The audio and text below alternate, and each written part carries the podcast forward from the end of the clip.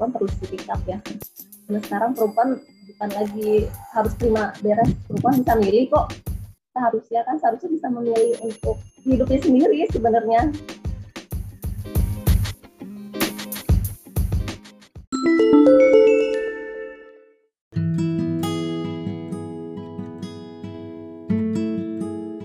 Sebenarnya ini juga aku beli tahun 2020 Terus baru dibaca. beneran. Pernah dibuka. Ada ada yang kenal. Salah satu pendiri di komunitas ya aku sapa Lentera Hati.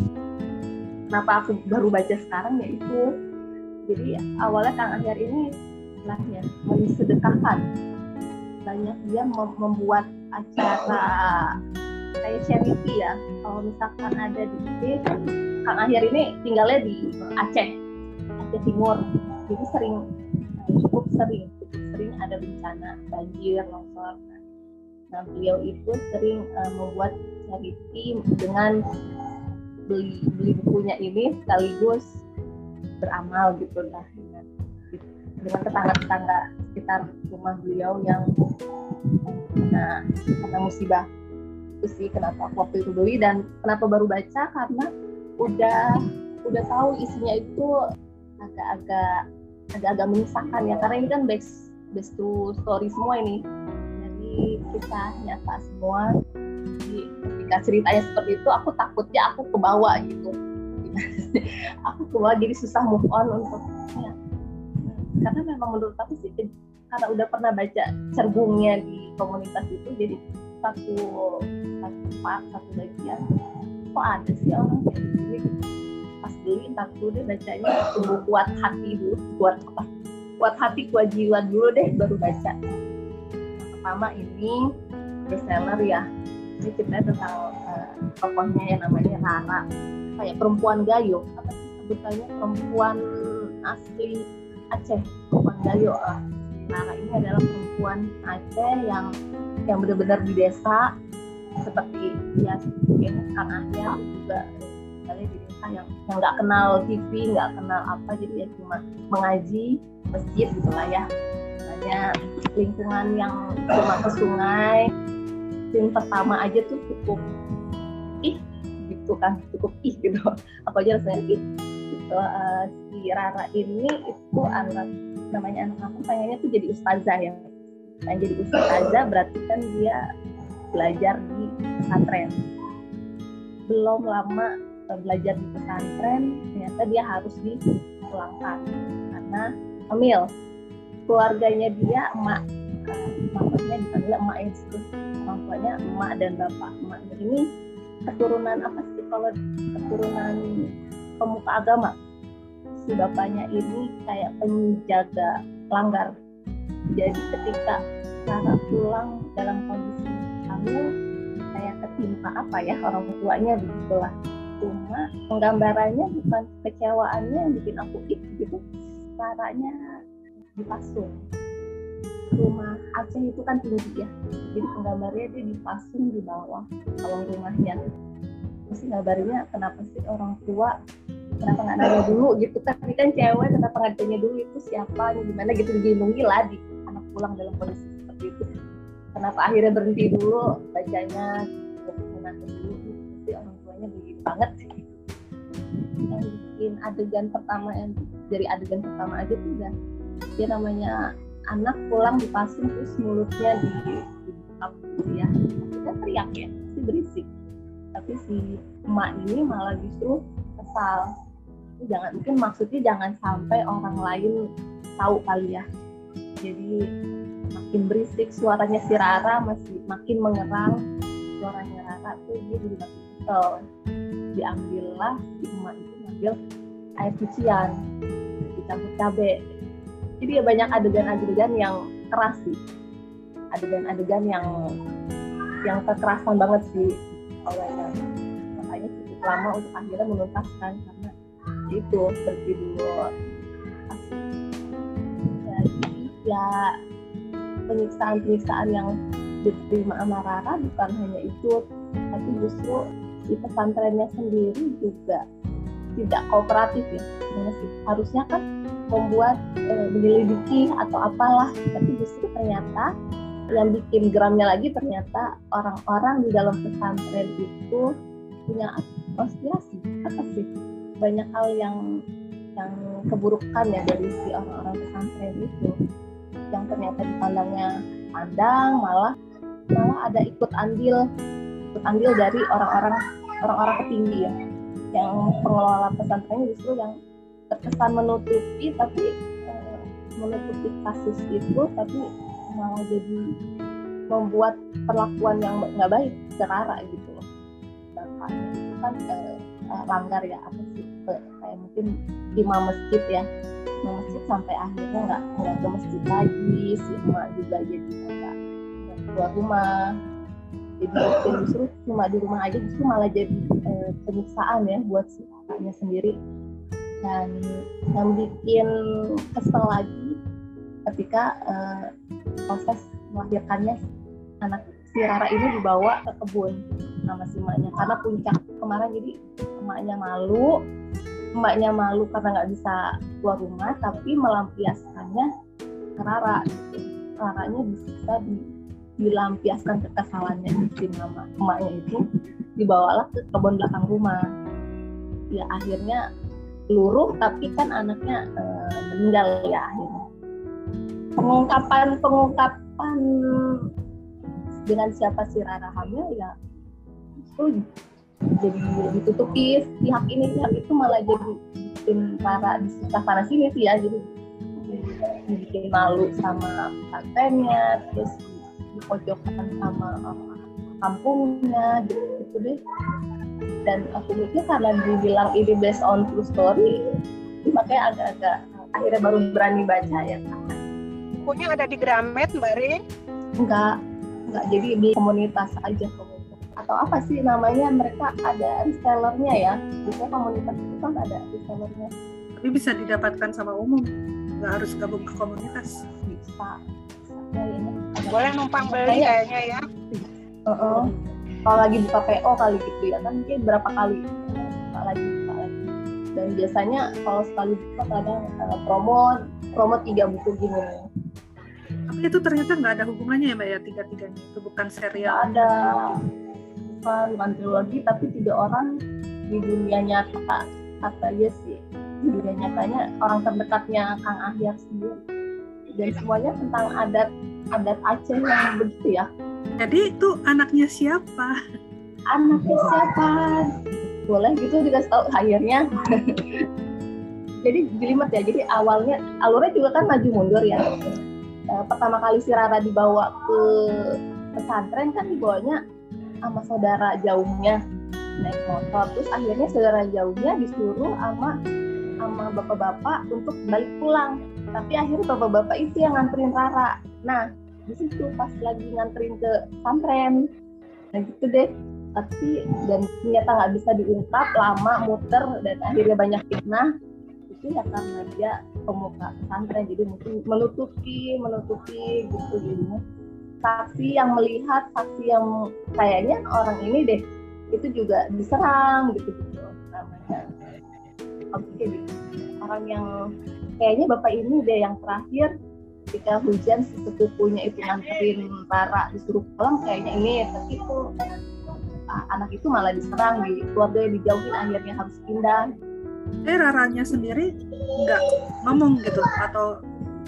Jadi itu maksudnya ya karena disiksa jadi agak terganggu ya.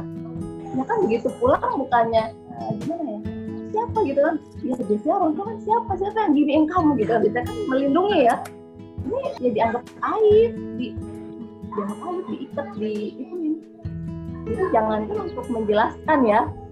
Sebenarnya justru dari orang-orang yang walaupun akhirnya ada beberapa yang berani ngomong apa adanya ada konflik tentang sana-sana pesantren gitu deh.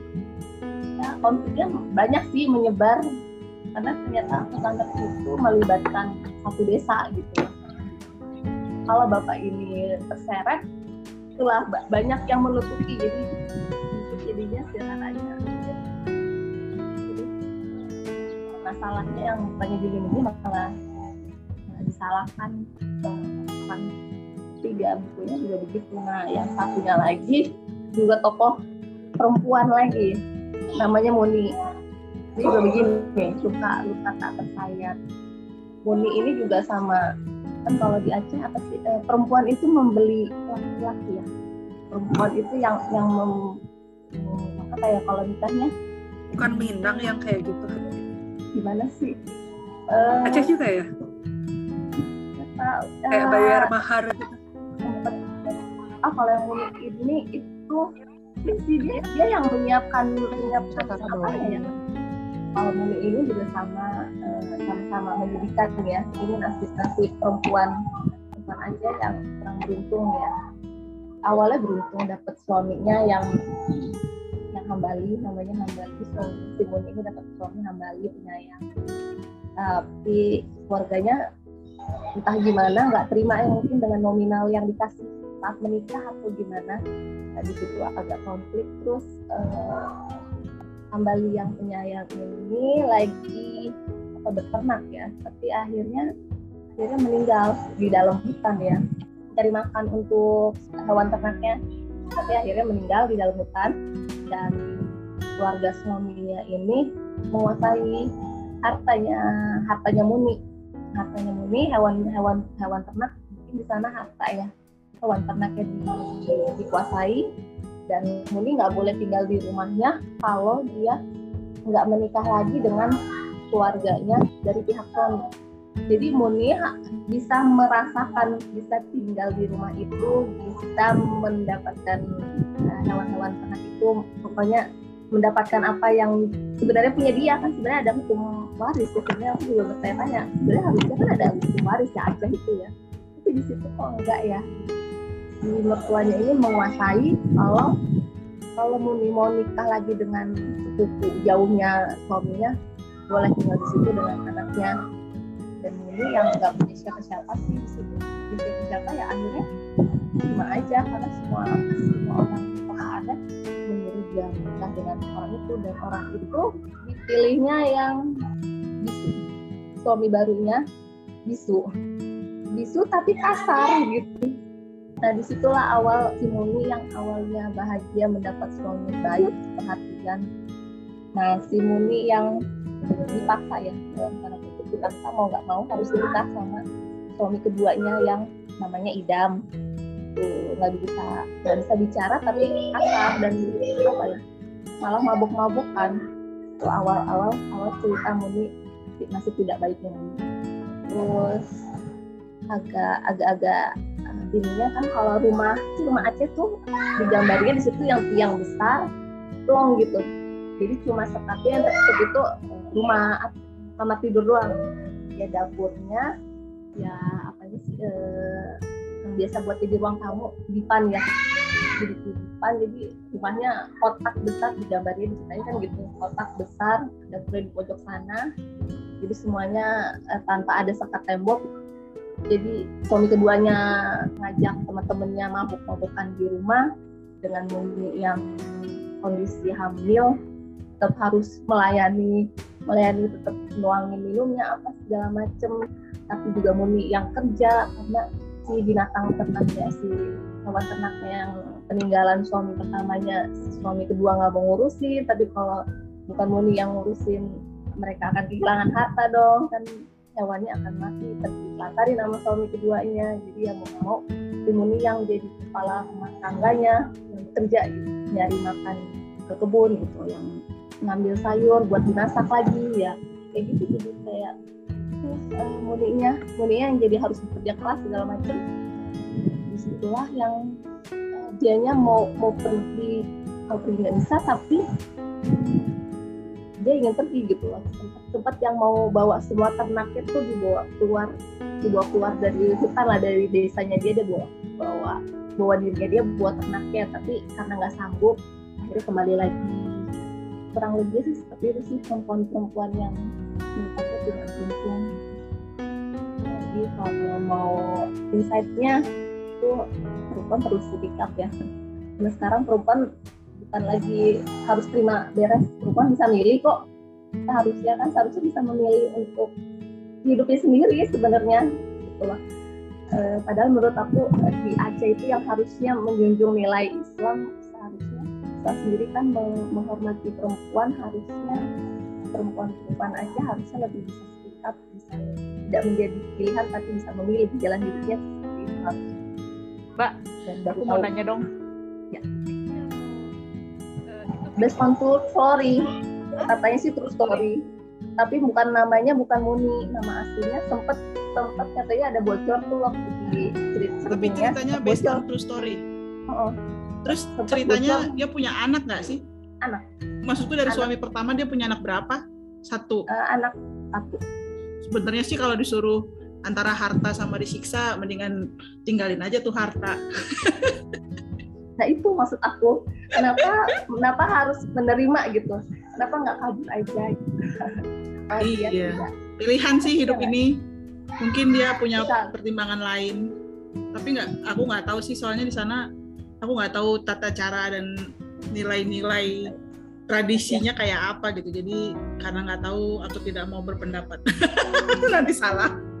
Tapi ini penulisnya juga kayaknya ini ya menuliskan tentang kritik tentang budaya lokal juga kayaknya kan ya. Iya, iya. karena tempat tinggalnya sendiri yang diceritain Nah itu dia. Iya. Aku jadi intermezzo, jadi teringat sama Hamka ya. Kemarin kan baca beberapa bukunya Hamka juga kayak gitu kan. Dia menceritakan tentang budaya Minang yang menurut dia udah ya kayaknya nggak nggak pas lah gitu lah. Jadi dia kritik juga gitu sama sama budaya. Mungkin sama juga sama Ernest dan lain. Iya. Masalah budaya itu kadang-kadang sebenarnya kan sesuatu yang kita yang membuat kan ya.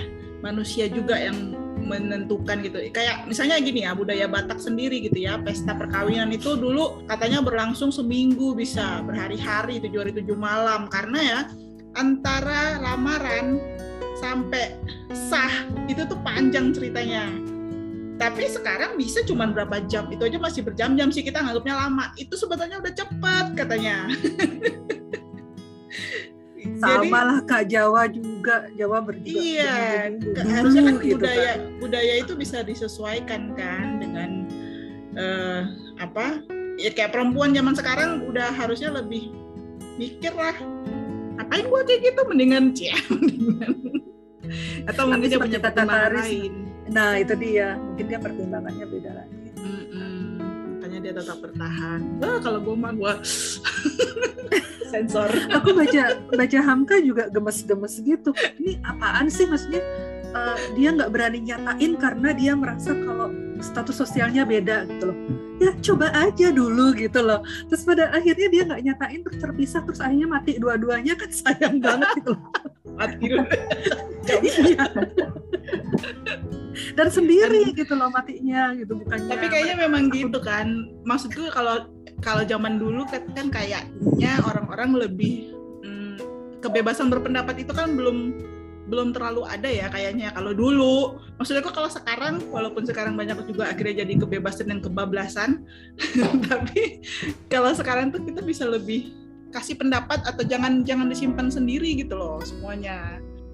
Tapi ya jadi tahu ya ternyata oh kayak gitu masih di sana saat ini gitu ya masih ada wanita-wanita yang menerima saja nasibnya gitu bersyukurlah kita sudah menjadi wanita yang lebih bisa apa ya bukan bilang kita lebih maju juga sih mau bilang kita lebih bisa menentukan nasib kita gitu loh ketemu pasangan yang mau menerima kalau kita tuh juga punya pendapat, kita tuh juga punya opini, punya pandangan gitu loh kan. Bukan kayak udah kamu ngikut aja, gak usah mikir-mikir buat yang lain-lain gitu. Males banget kan kayak gitu kan. Kemarin itu bukunya emang settingnya setting sekarang ya, setting baru gitu bukan tahun 40 yang tahun-tahun yang tahun-tahun 2000-an lah. Makanya makanya Oke. beneran ini maka aku pikir eh, kan karena ngelihat di eh, ngeliat di Facebook banyak yang meresensi. Terus aku sempat baca satu part yang pas yang di eh, pasungnya itu makanya aku beli aja tapi bacanya nanti dulu gitu. Karena ah masa sih ada orang kayak gitu? Itu aja yang aku baca satu part kayak begitu. Itu ntar apalagi isi dalamnya gitu. Berapa part ceritanya? maksudnya satu bab aja gitu. Satu, satu apa ya? kan dia dicerbung dulu ya. Eh, oh, Eh, cer- cerbung dulu cerbung di online. Terus baru akhirnya ditemukan eh tapi jangan-jangan di bab berikutnya dia berontak, Mbak. Nggak selesai enggak baca enggak begitu Bukan, akhirnya juga begitu deh. Begitu. Bukan begitu. Emang akhirnya tuh nggak bagus. Bukan bukan happy ending. Kita ngomongin happy ending yuk. mau iya, berharap berharap. Aduh. bikin sequelnya Karisma Enggak lah. kalau emang ini kan based on story ya berdoa aja orang aslinya sehat-sehat di sana. iya iya ya. Yang kuat gitu ya. buku buku yang ketiganya juga sama mbak tentang Kalau ketiga ini aku udah baca duluan karena aku pertama kali eh, awalnya aku pengen pengen bikin cerita yang tokohnya laki-laki. Makanya sebelum baca yang dua Muni ini tuh yang aku pengen Muni ini kan baru bacanya baru-baru ini Muni sama Rara. Nah ayah ini aku udah agak lama tapi berhenti juga karena sama. Ini laki-laki kok nasibnya nggak bagus juga. Tuh. Kayaknya ini eh, Kang Ahyar ini kenapa bikin bukunya begini sih? Gitu nggak laki nggak cewek. Mungkin dia suka dengan cerita melodrama. tapi ini ini kisah ini kisah kakaknya. Eh, kisah kakaknya. Si ayah ini adalah kisah kisah kakaknya. Dan Kang Ahyar ada di tokoh ini. Tapi kan Kang Ahyar ada di bagian cerita ini tapi kan yang menjadi si penderita yang menjadi si tokoh utamanya ya kakaknya dia menjadi salah satu support dalam cerita. Hmm, ayah ini Ilham ini eh, punya istri.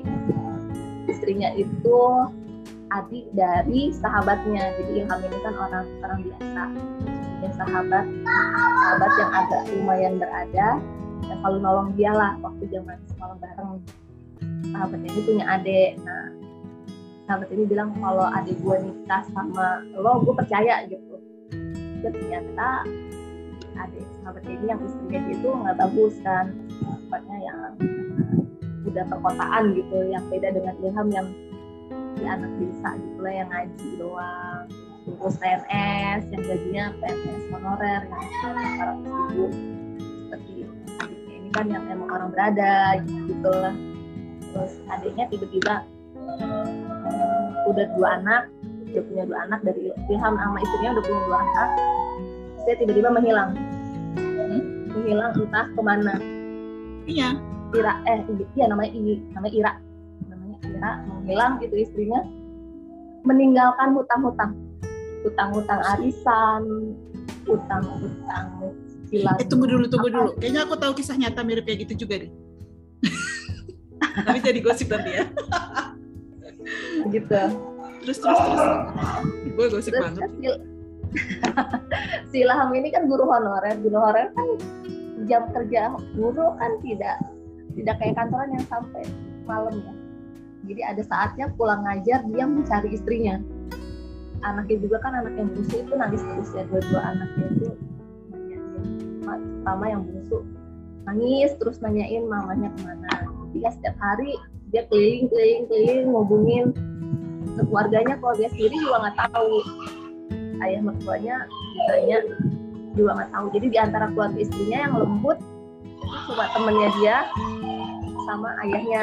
Nah ibunya dia juga agak curiga eh, ke ibunya nih awalnya kayaknya ibunya tahu nih keberadaan Kira cuma cuma nggak ada yang bisa mengkorek gitu. Akhirnya eh, minta tolong sama ayah mertuanya juga ayah mertuanya nggak bisa ngorek. Cuma kita mereka semua mencurigai ibu mertuanya kayak tahu nih tahu keberadaan si Ira-Ira ini.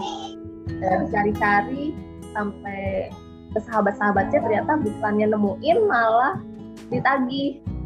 Oh iya jadi hilang terus gimana dong utangnya gitu ketemu sahabatnya bukannya mendapat kabar malah mendapat tagihan. Mendapat tagihan utang. Oh kalau gitu kamu suaminya tanggung jawab dong utang istrimu gitu kan. Ya ya logisnya kan suami istri harusnya tahu. Ya, temennya itu menagih si Ira yang ternyata puluhan juta. Tunggu, si Iranya ngutang buat apa? Hmm, gaya hidup? Tidak hmm, Berjudi. tapi atau apa? Maksudku kan kadang-kadang kan eh, sebab musabab hutang itu kan ada macam-macam ya. Ada yang memang gaya hidupnya ada yang terjerat Ada. di ada ada ada yang lelaki lain. Wah bodoh Ah. banget ya. Oh, oh, makanya. Dan lelaki lain harusnya dia jangan malah dia yang tuper dong. Ya begitu. Lelakinya eh, lebih lebih necis ya kali apa ya lebih bergaya. Tapi kan kalau ada lelaki lain kan harusnya dia lebih dapet Iya. ini lebih dapet dari Bukan sono gitu. juga. Kenapa malah malah modalin. Malah modalin Hmm. gitu nah, Oh. begitu makanya. Tertipu berarti dia tertipu. Ya kalau si Iranya sih nggak diceritain eh, apakah menikah dengan si laki-laki itu atau nasibnya bagaimana dengan lelaki itu tapi kan yang kita ini cuma sampai situ ya. Uang itu untuk berdua gitu lah. Berdua pasangan itu tidak diceritakan ceritanya yang diceritakannya ke, ke si Ilhamnya dan si anaknya.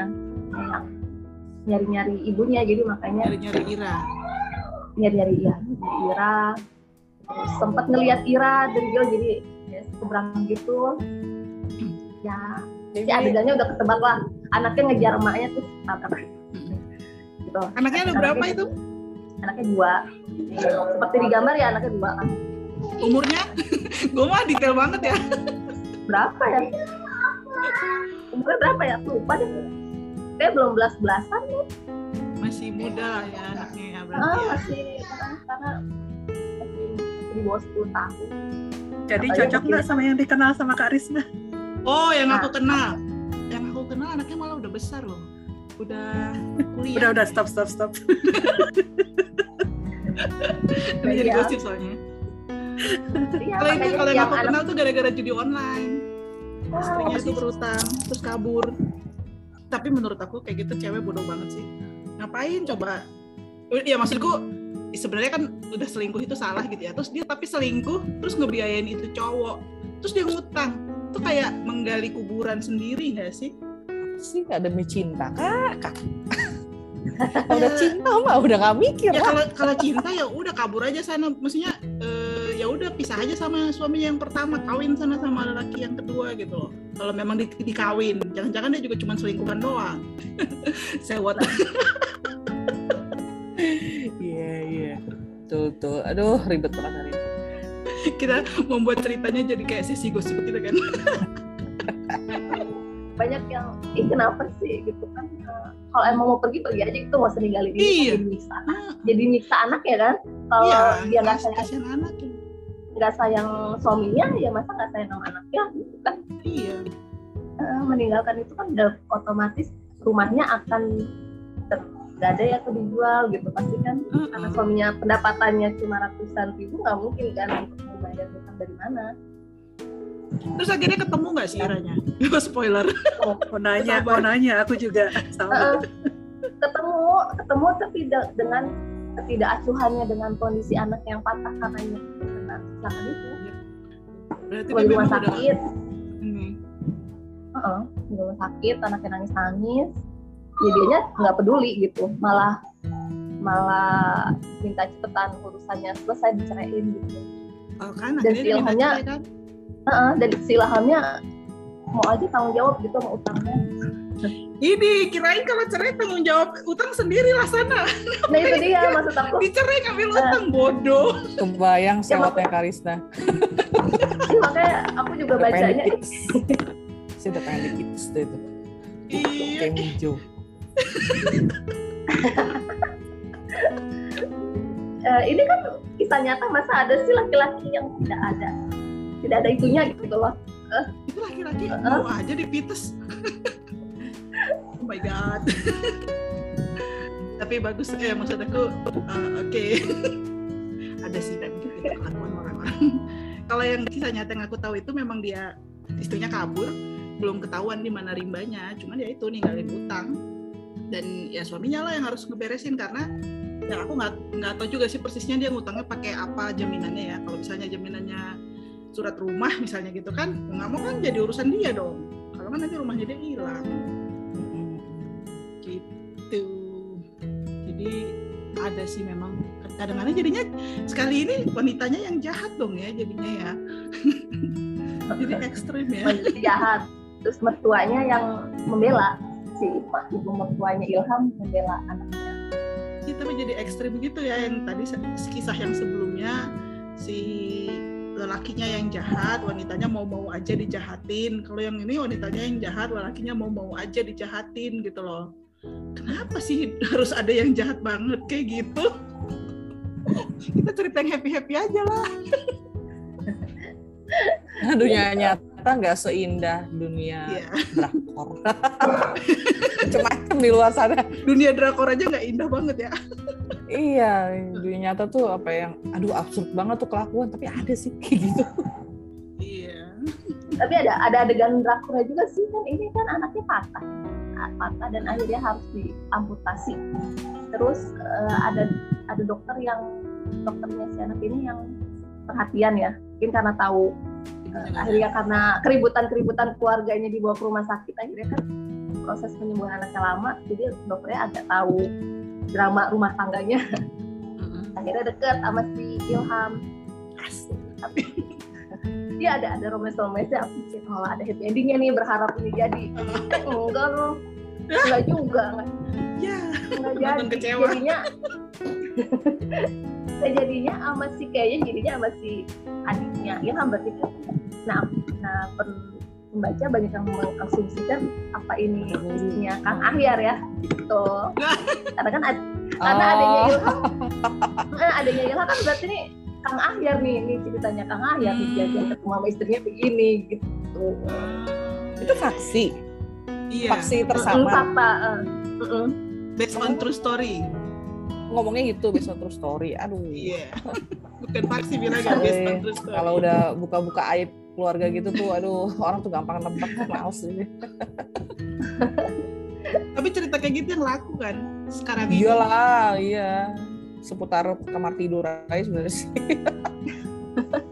maksudnya menuju ke sana pacaran tunangan ada selingkuh nikah cerai nggak punya anak berapa gitu gitu kan yang diikutin di ya sih Iya. Ganteng nggak? ah punya duit nggak pertama Kaya nggak? ganteng mah bisa gitu kan. oplas Mm-mm. akhirnya ya begitu udah kan eh, si Ilhamnya akhirnya ketemu istrinya Tapi istrinya cerai. eh, eh, dicerai dan nggak dapat duit ya harus menanggung Kalau bayarin utang lagi. Malah bayarin utang lagi. Kasian amat sih. bayar utang tapi eh, ada orang-orang baik lah yang Bantuin. tapi tetap aja dia harus tetap aja utang itu berjalan ada sebagian yang berjalan yang akhirnya dipikirnya ketemu jodoh ternyata bukan jodoh Ilham tapi jodoh adiknya Disalip adik. Heeh. Gitu.